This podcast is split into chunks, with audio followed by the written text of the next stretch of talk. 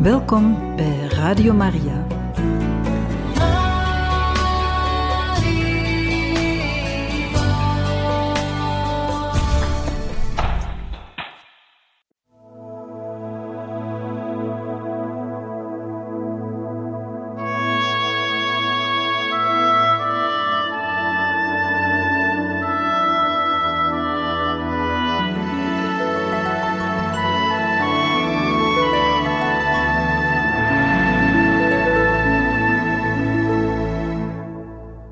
Beste luisteraars van Radio Maria.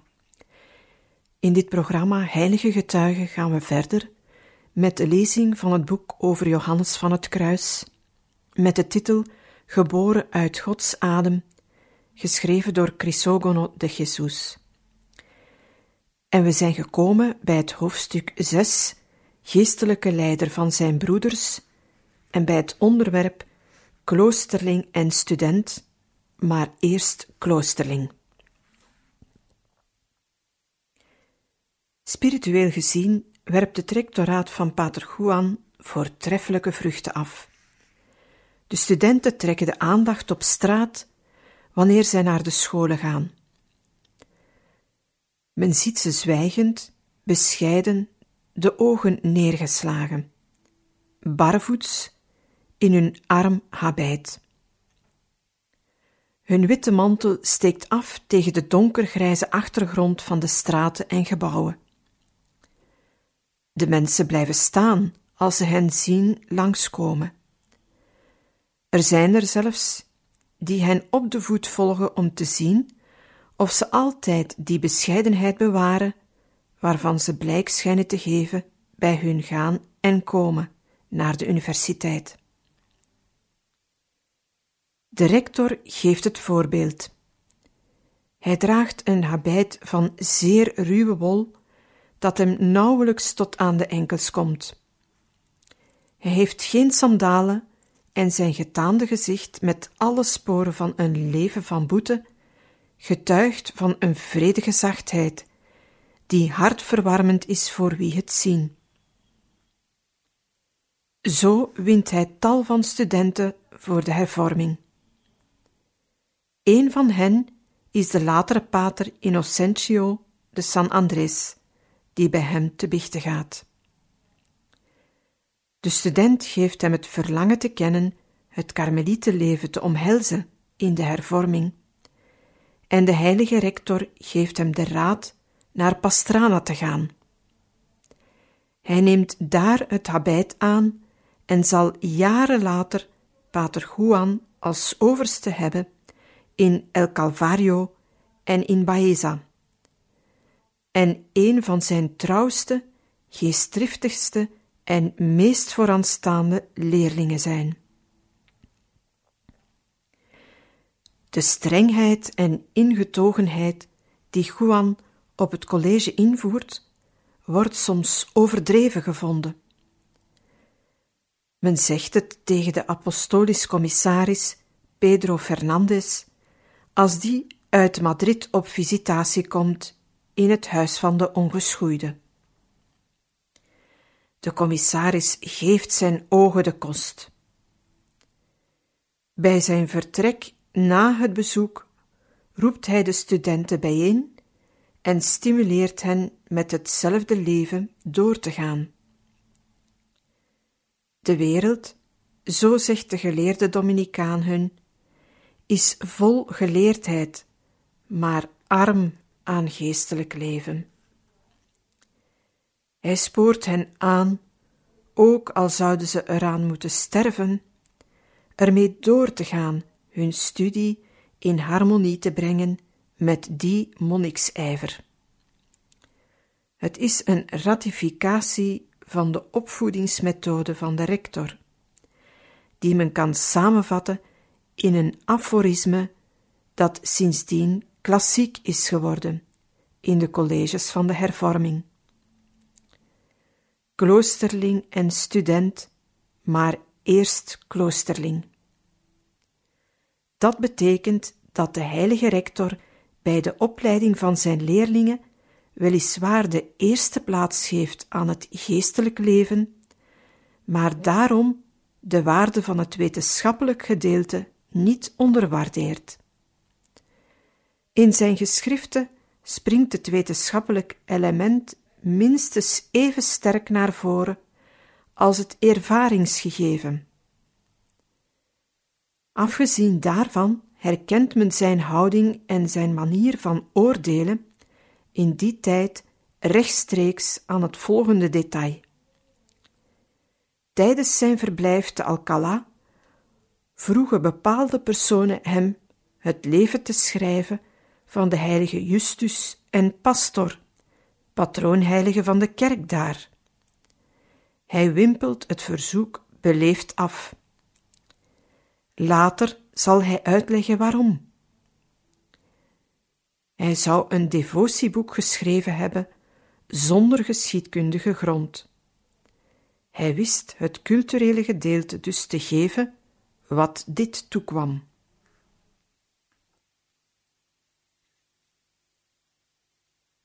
Het noviciaat is in opstand. Een onplezierig feit noopt Pater Juan zich enige tijd van het college van Alcalá te verwijderen en zich naar Pastrana te begeven. Het noviciaat aldaar is in opstand. Novicemeester is pater Angel de San Gabriel, voormalig novice van de heilige in datzelfde klooster. Het is een jonge Madrileen, sterk en vurig. Van de Universiteit van Alcalá naar de hervorming gekomen. Vol vuur tijdens zijn noviciaat, energiek, stoer en scrupuleus, wordt hij novicemeester in Pastrana, vast besloten om zijn novice tot de hoogste toppen van de meest heldhaftige deugden te brengen. Hij geeft nergens om. De wel heel speciale boetedoeningen van de woestijnvaders worden nagevolgd en buitensporig overdreven. Er zijn absurde en zelfs min of meer tragische bijzonderheden van opgetekend. De schouders van een novice worden ontbloot en gegezeld tot de novice door zijn gebed, net als de profeet Elia, vuur uit de hemel laat dalen op een stapel nat hout. Zo zal blijken of hij volmaakt is. Andere keren stuurt de novicemeester de novice in lompen gehuld de bergen in om hout te hakken, dat in bossen op de rug te dragen en het in de stad op de grote markt te gaan verkopen. Maar ze mogen het niet aan de eerste de beste verkopen. Ze moeten hoge bedragen vragen, zodat de verkoop moeilijker is en de novice de onbeschaamdheden en het slechte humeur van de kopers moet verduren. Hij stuurt ze er ook op uit om onderricht te geven op de stadspleinen, begrafenissen bij te wonen, van deur tot deur te bedelen en zelfs inwoners van Pastrana te vragen om in het klooster de overste te bezweren dat ze geprofest worden. Met als resultaat dat de novice niet in het klooster blijven. Sommigen verdragen die manier van doen met zachtheid en gewilligheid. Anderen hebben plezier om de belachelijke kant van sommige praktijken. Maar dat neemt niet weg dat er onrust heerst. Ze zijn naar de hervorming gekomen om daar het beschouwende leven te zoeken. En ze vinden er een rare mengeling van uiterlijke praktijken die dat leven onmogelijk maken. Bovendien is er geen enkel temperament dat die aanhoudende schrikaanjagende boetedoeningen uithoudt. De novice denken dat ze zich vergist hebben met hun roeping en denken eraan de ongeschoeide te verlaten. Dat overkomt ook broeder Geronimo Gracian de la Madre de Dios, die in die dagen novice is en de eerste provinciaal van de hervorming zal worden. De zaken lopen zo mis dat Gracian meent dat het noviciaat van Pastrana heel het werk van moeder Teresa zal vernielen. Ze zal tenslotte al haar krediet verspeeld hebben, als alle novicen van Pastrana bij de niet-hervormden zullen zijn ingetreden.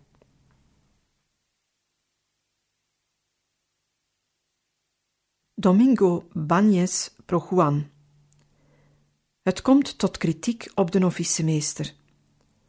Pater Angel de San Gabriel schrijft aan moeder Teresa om zich te beklagen en zich te verdedigen. De madre geeft de brief door aan Pater Domingo Bagnes en vraagt raad. De brief van Pater Angel is verloren gegaan, maar uit het antwoord van de vooraanstaande Dominicaan blijkt dat de novicemeester de verwijten die men hem maakte toeschreef aan kwade wil van de minder plichtsgetrouwe. Het methodische en heldere document van Banies keurt de procedés van Pater Angel formeel af, zonder daarbij, wat logisch is, zijn goede bedoeling in twijfel te trekken. Deze pater novicemeester, zo schrijft pater Banies aan moeder Teresa, lijkt me een vurig iemand die met de beste bedoelingen bezield is. Daar hij het licht zoekt, is er geen enkele reden hem dat te weigeren. Mogen Jezus Christus het hem geven en hem de grootste volmaaktheid leren. Leert van mij, ik ben zachtmoedig en nederig van hart. Om die nederigheid te verwerven, zijn uiterlijke oefeningen en verstervingen heel nuttig. Maar men moet die met voorzichtigheid beoefenen. En het is geen verstandige versterving een broeder die bij zijn professie beloofd heeft zo'n grote ingetogenheid na te streven als de eerste regel voorschrijft, zonder enige noodzaak het klooster te doen verlaten en het is nog onverstandiger zich als arme te vermommen en het habijt uit te trekken. Daarin de paters Theatijnen willen navolgen, is van orde veranderen en is niet langer de Karmelietenorde. De Theatijnen hebben geen voorgeschreven habijt. Hun professie eist geen zich terugtrekken uit de wereld, geen stilzwijgen, geen vasten, en ook geen voortdurend bijwonen van het koorgebed. De karmeliet evenwel hoeft hier buiten geen andere oefeningen te zoeken. Laat hij nakomen waar het om gaat bij zijn professie en er verder het zwijgen toe doen. Hij zal heilig zijn zonder dat de wereld zijn verstervingen ziet. Die ijver om de naaste te stichten lijkt me erg overheild.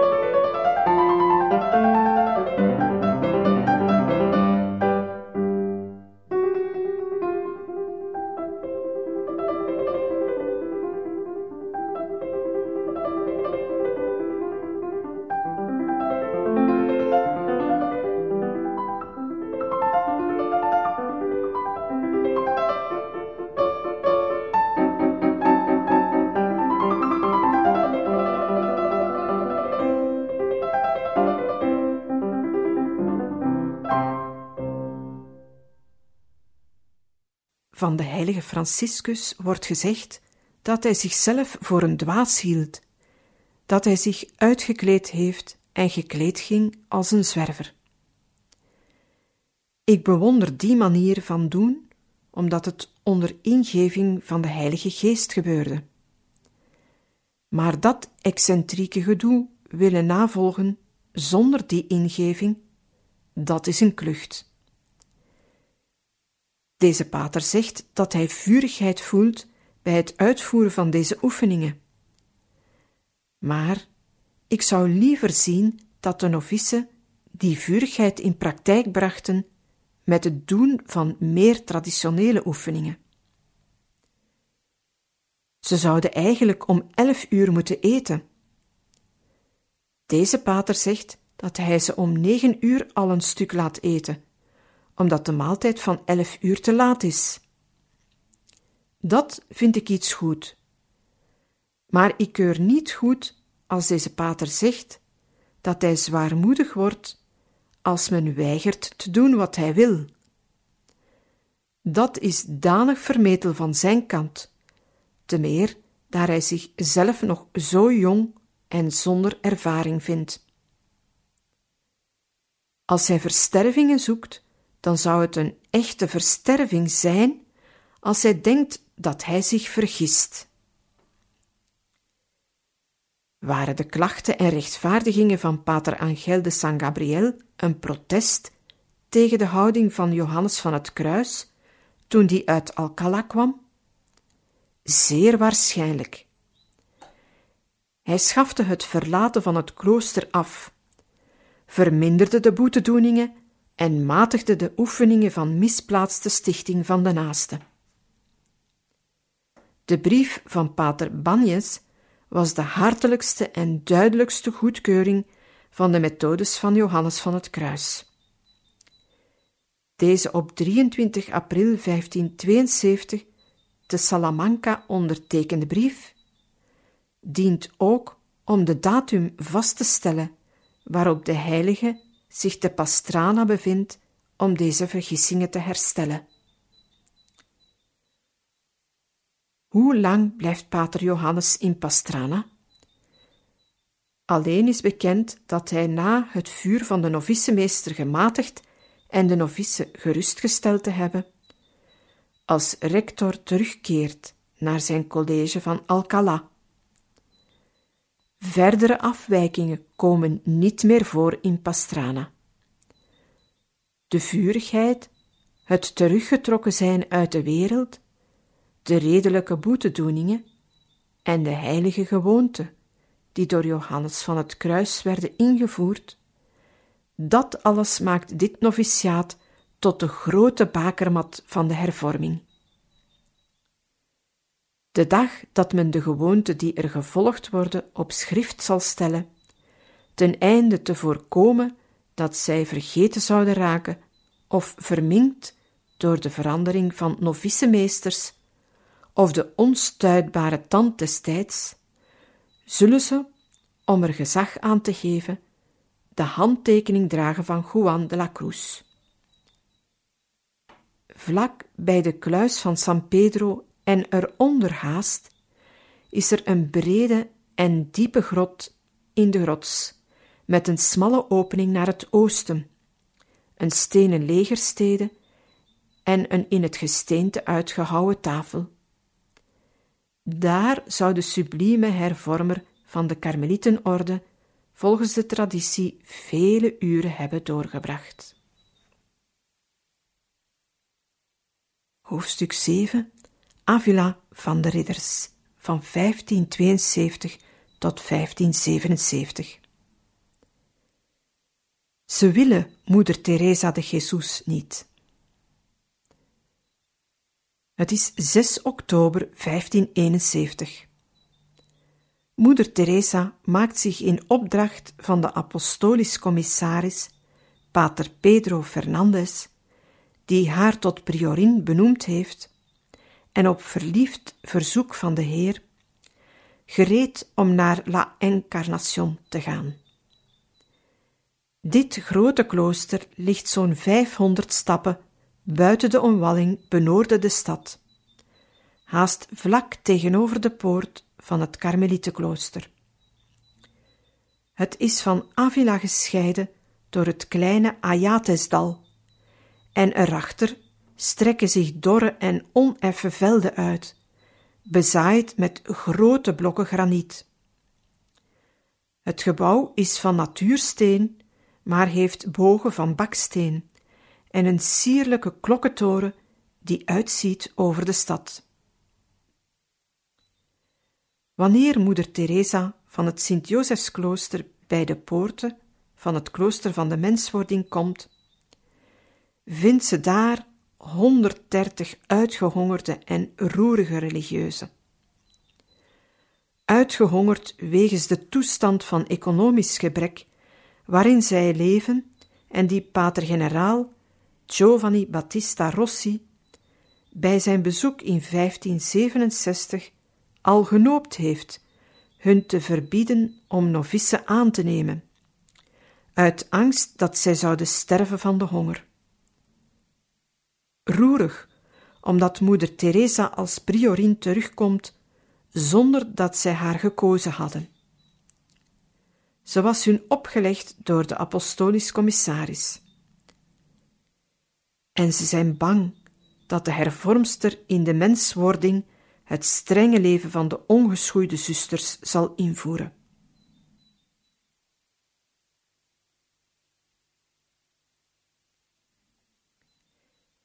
De nieuwe priorin heeft een eerste voorzorg genomen. Uit het Sint-Josefsklooster, waar zij sinds haar terugkeer uit Medina verblijft, heeft zij een boodschap naar de menswording gestuurd, dat men er alle seculieren die in het klooster leven zou wegsturen. Wanneer moeder Teresa het Sint-Josefsklooster verlaat om de leiding in de menswording over te nemen, zijn er daar geen seculieren meer. Zij komt bij het poortgebouw aan, begeleid door de provinciaal, Angel de Salazar, door een metgezel van deze laatste, Ledesma geheten, door de eerste magistraat van de stad, de corregidor, Matteo Arevalo Cedeno, en enkele alcuagiles, zoals de gerechtsdienaren heten. Er zijn verder enkele nieuwsgierigen, onder wie de beneficant van San Vincente.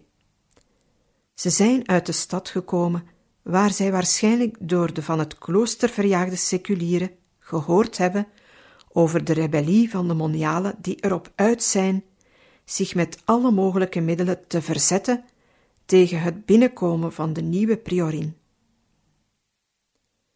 Wanneer de provinciaal aanbelt barsten de protesten van de monialen los. Ze beschimpen de provinciaal en de madre en weigeren open te doen. Het geroep wordt tot op de stadswallen gehoord. Gezien deze onverzettelijke houding probeert de provinciaal de deur te openen die van de kerk naar het benedenkoor gaat. Ondertussen is moeder Teresa buiten gebleven op een stenen bank aan de kerkdeur. Ze heeft haar witte mantel omgeslagen. Als de monialen merken dat pater Angel de Salazar de deur van het koor probeert te forceren, komen zij uit het poortgebouw aanhollen en beginnen opnieuw met hun geroep, beledigingen en protesten. Als verslagen zegt de provinciaal: ze willen moeder Teresa de Jesus dus niet. Hij doet alsof hij zich terugtrekt. Een moniale, Dona Catalina de Castro, reageert daar heftig op en roept uit: We willen haar wel en houden van haar. Ze heft een tedeum aan dat in het koor door tal van zusters wordt meegezongen. Men opent het deurtje en de madre betreedt het koor. Wanneer zij, die haar tot dan toe vergezeld hebben, zich terugtrekken, horen ze nog altijd het tumult van de 130 monialen, die ten dele voor en ten dele tegen de nieuwe priorin, doorgaan met hun oorverdovende protesten, tegenvoorstellen, geruzie en aantijgingen. De tact van de madre heeft de gemoederen weldra gekalmeerd. Maar zij verlangt naar iets meer dan een vreedzaam bestuur van dit klooster, dat haar zo dierbaar is. Hier heeft zij namelijk haar met zwarte galons getooide oranje japon verwisseld voor het bruine kleed en de witte mantel. Ze heeft er 25 jaar geleefd en de grootste gunsten van de hemel gekregen. Hier is het idee van haar grote werk van de hervorming ontstaan. En van hieruit is zij vertrokken voor de eerste stichting, het Sint-Josefsklooster. Veel van haar eerste en beste medewerksters zijn ook van de menswording gekomen. Moeder Teresa moet zich erg verdrietig voelen. Materieel is het klooster behoeftig en geestelijk gedesorganiseerd.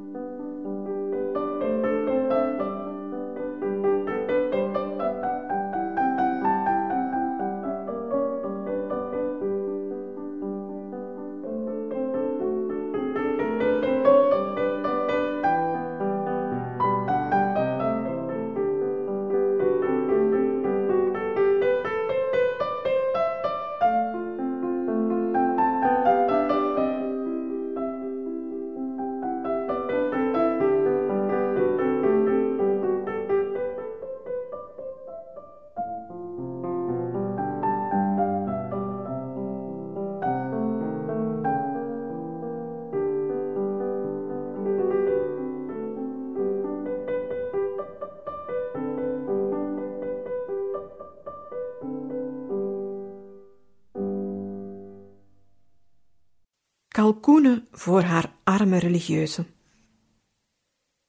De zusters eten niet in een gezamenlijke eetzaal, want het klooster heeft geen brood om ze voor te zetten. Ze eten elk in hun eigen cel wat men zich buiten heeft kunnen aanschaffen.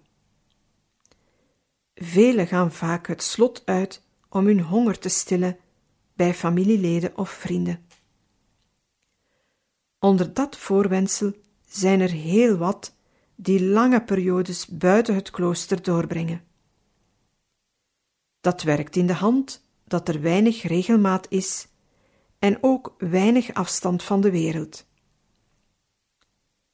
Er zijn drie of vier spreekkamers. Die worden zeer druk bezocht. Familieleden en vrienden die de zusters in overvloed hebben, want ze zijn merendeels afkomstig uit Avila, komen gestaag de stad uit om hen te bezoeken. Van de eerste dag af geeft de madre zich veel moeite om iets te doen aan die armoede van het klooster. Goed ingelicht over de situatie van de communiteit, had zij nog voor haar aankomst al aalmoezen gevraagd aan haar weldoeners. Nadat ze haar taak heeft opgenomen, verdubbelt zij haar smeekbeden aan Dona Maria de Mendoza, aan Dona Magdalena de Ulloa en aan de hertogin van Alba, die haar een keer zelfs honderd ducaten geeft.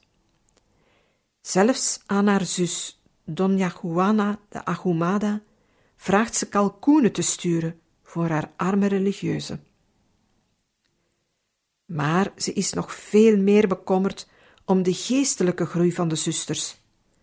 Dat is een heel karwei. Ze laat dat een maand na haar aankomst in de menswording doorschemeren. O mevrouw, schrijft ze aan Dona Luisa de la Cerda, wie de rust van onze kloosters heeft gekend en zich nu verplaatst ziet te midden van dit gewoel, ik weet niet hoe die ervan kan leven. Met dit alles dank ik toch God. Er heerst vrede, en dat is niet weinig, als ik zie dat ik de zusters beroof van hun gelegenheden tot praten en van hun ruime vrijheden. Ook al zijn die zusters zo goed, die gewoonte veranderen is de dood, zoals ze zeggen. Ze verdragen het goed en hebben een grote eerbied voor mij. Maar ze zijn honderddertig in getal, en uwe hoogheid zal begrijpen welke moeite het zal kosten om orde op zaken te stellen. Toch bereikt ze haar doel. Zes maanden later kan ze Dona Maria de Mendoza al schrijven: Het is om de Heer te loven. Zo'n verandering heeft Hij in hen bewerkt. Zij, die het meest tegenstand boden, zijn nu heel tevreden en mij beter gezind. In deze vastentijd komt geen vrouw of man op bezoek, ook al zijn het de eigen ouders. En dat is iets heel nieuws voor dit huis. Ze verdragen het met grote vrede. Waarlijk, er zijn hier grote dienaressen van God, en bijna allen beteren zich.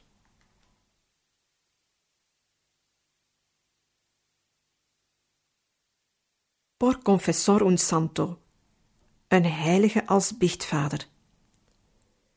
Maar moeder Teresa staat alleen voor die zware taak. Bovendien is zij ziek. Anderhalve maand na haar komst in de menswording wordt zij getroffen door een menigte kwalen. Angina, erge pijn in de zijde, voortdurende koorts die haar dwingt in haar cel te blijven, tenzij om mis te horen. De streek van Avila heeft mij zo op de proef gesteld dat ze niet mijn geboorteplaats lijkt te zijn, schrijft zij, ook aan Dona Maria de Mendoza. Er moet hulp komen. De madre denkt terug aan Johannes van het Kruis, de grote hervormer, en zij besluit hem als geestelijk leidsman van haar moniale te vragen. De apostolisch commissaris, pater Pedro Fernandez, is in Salamanca. Moeder Teresa beseft terdege welke moeilijkheden er kunnen reizen voor de verwezenlijking van haar verlangen.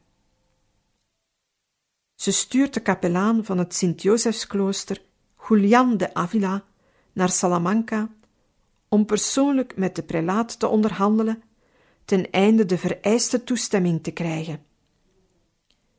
De kapelaan heeft opdracht om als ooggetuige uiteen te zetten dat het voor het klooster noodzakelijk is dat zij wordt bijgestaan door Juan la Cruz. Hij doet dat.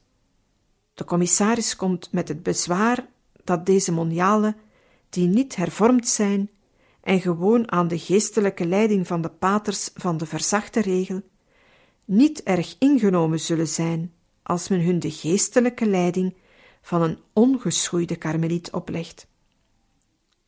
Pater Fernandes moet zich wel herinneren wat zich bij de komst van moeder Priorin heeft voorgedaan.